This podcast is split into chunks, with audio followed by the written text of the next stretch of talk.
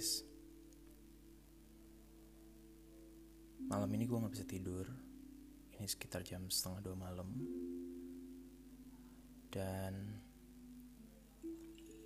Daripada gue buang-buang waktu I think it's very important to Transfer my value Untuk teman-teman semua yang dengerin podcast gue And the value that I'm going to share is about scare of death. Siapa sih yang gak takut sama yang namanya kematian?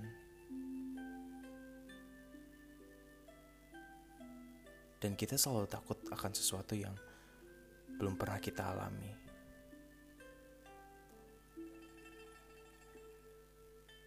Takut naik pesawat, takut disuntik,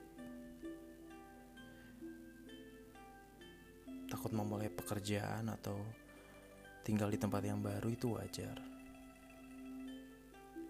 Dan setelah kita melewatinya kita ngerasa kayak, oh, ini ya rasanya. Tapi berbeda dengan kematian.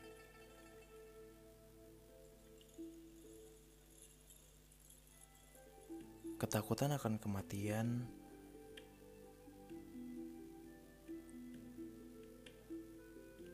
itu bisa bikin bulu kuduk kita merinding. Telapak tangan dan kaki dingin.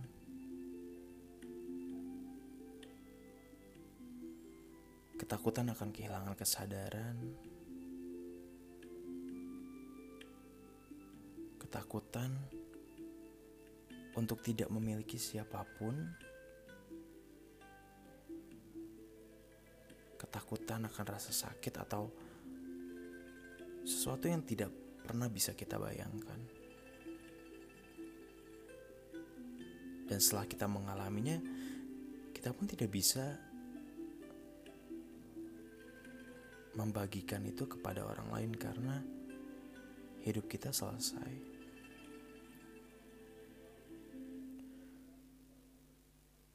Ketakutan yang gue alamin akan kematian sebenarnya sudah ber berulang beberapa kali.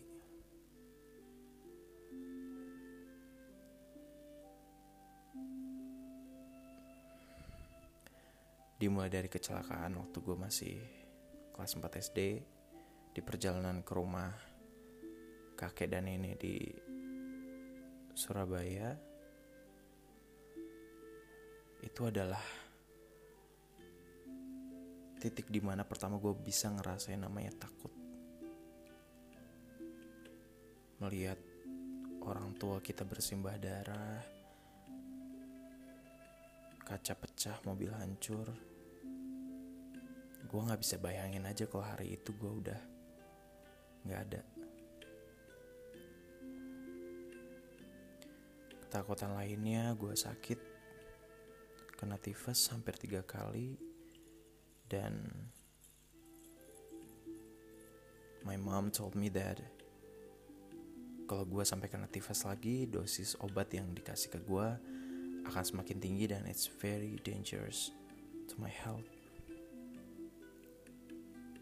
Back then ketika gue masih kecil gue udah punya infeksi paru-paru gue pernah sempat tenggelam waktu gue masih umur 2 tahun. And if I can count how many times that I almost died, I think it's too much. Yang baru-baru ini 2000 2016 gue ngalamin anoreksia di mana gue ngalamin itu sendiri. Hanya beberapa orang terdekat yang melihat bagaimana gue struggling dengan anoreksia. Batuk darah. Ya. Dan hal-hal mengerikan lainnya yang gak mungkin gue ceritakan di sini karena it's going to recall all the bad memories back and I don't want it. And thank you for all the person buat siapa pun yang waktu itu menolong gue dan akhirnya membantu gue untuk sembuh. I'm not telling my parents about my anorexia. At that time, gue 48 kilo dengan tinggi 169. I barely can eat anything dan gue selalu memuntahkan itu.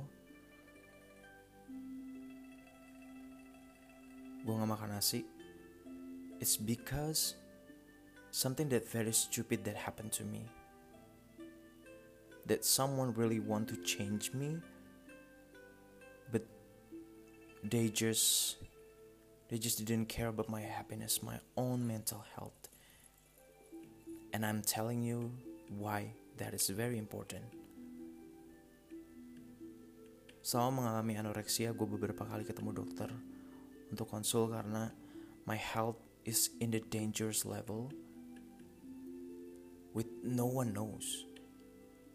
Gue pergi kuliah seperti biasa ketemu orang seperti biasa. I'm the happiest person in their point of view, but from my point of view, I just have no idea apakah gue bisa survive sampai umur gue 20 tahun waktu itu.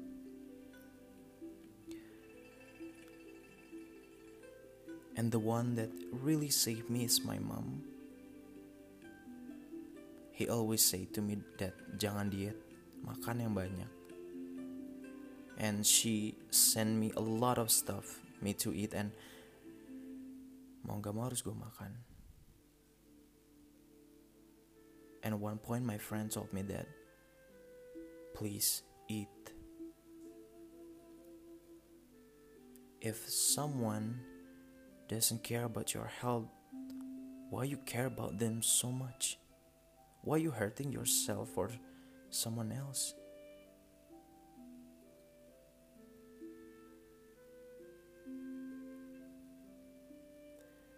And then the reason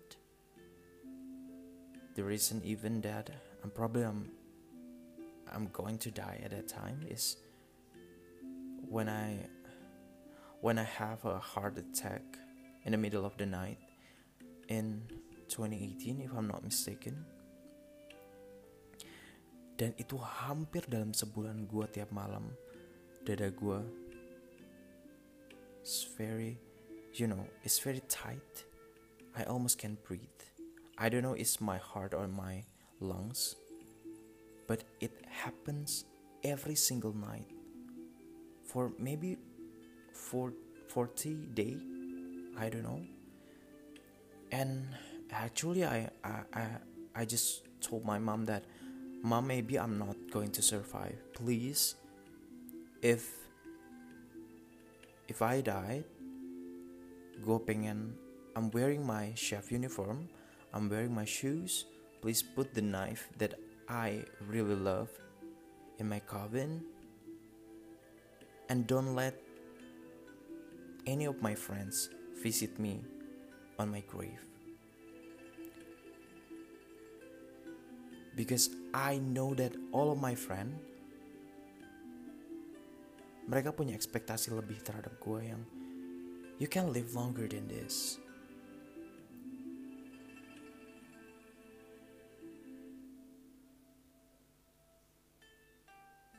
And there's a lot of suicidal thought after that.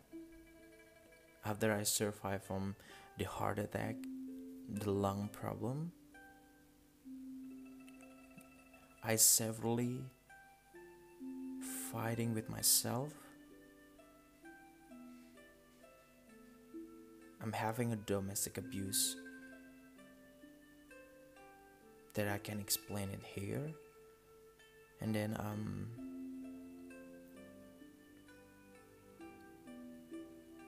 gue diancam seseorang kalau dia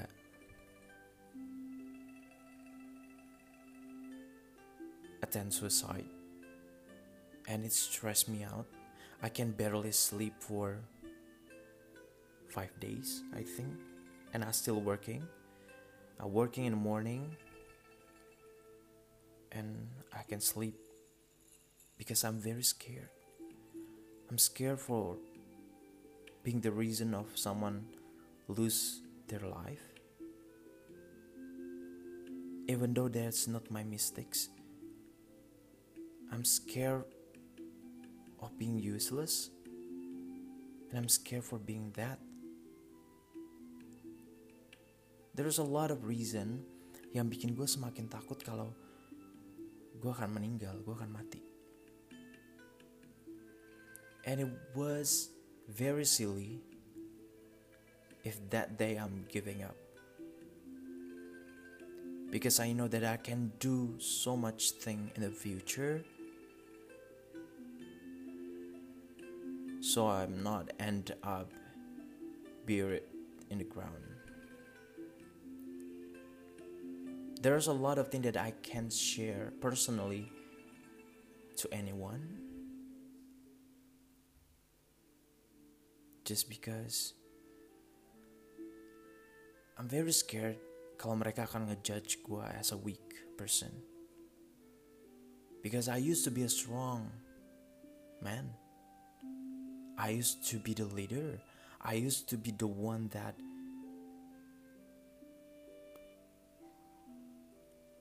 I'm a role model for myself. And I believe that you can do this thing too. I'm not going to compare my problem with yours. Maybe yours is worse than than mine and I'm just being, you know, such a kid, such a crybaby for having a little problem, but for me that is a big enough to destroy to destroy what I believe for so long. But I'm still survive.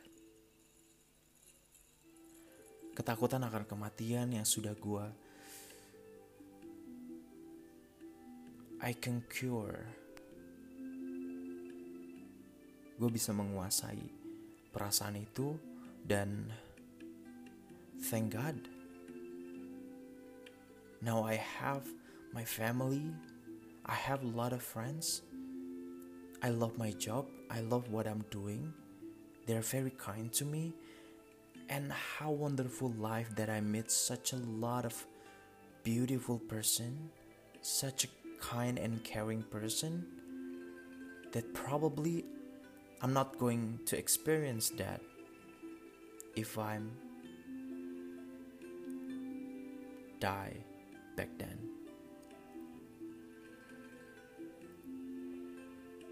So don't waste your time for something that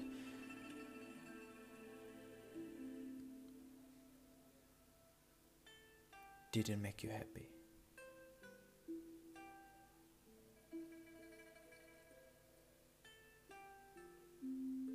Just focus on your own happiness, focus on your life. Mati itu pasti, but how you're going to die itu pilihan. And don't forget, kalian tidak akan pernah meninggal sebelum tugas kalian selesai. And your job now is to find out what is your job in your life.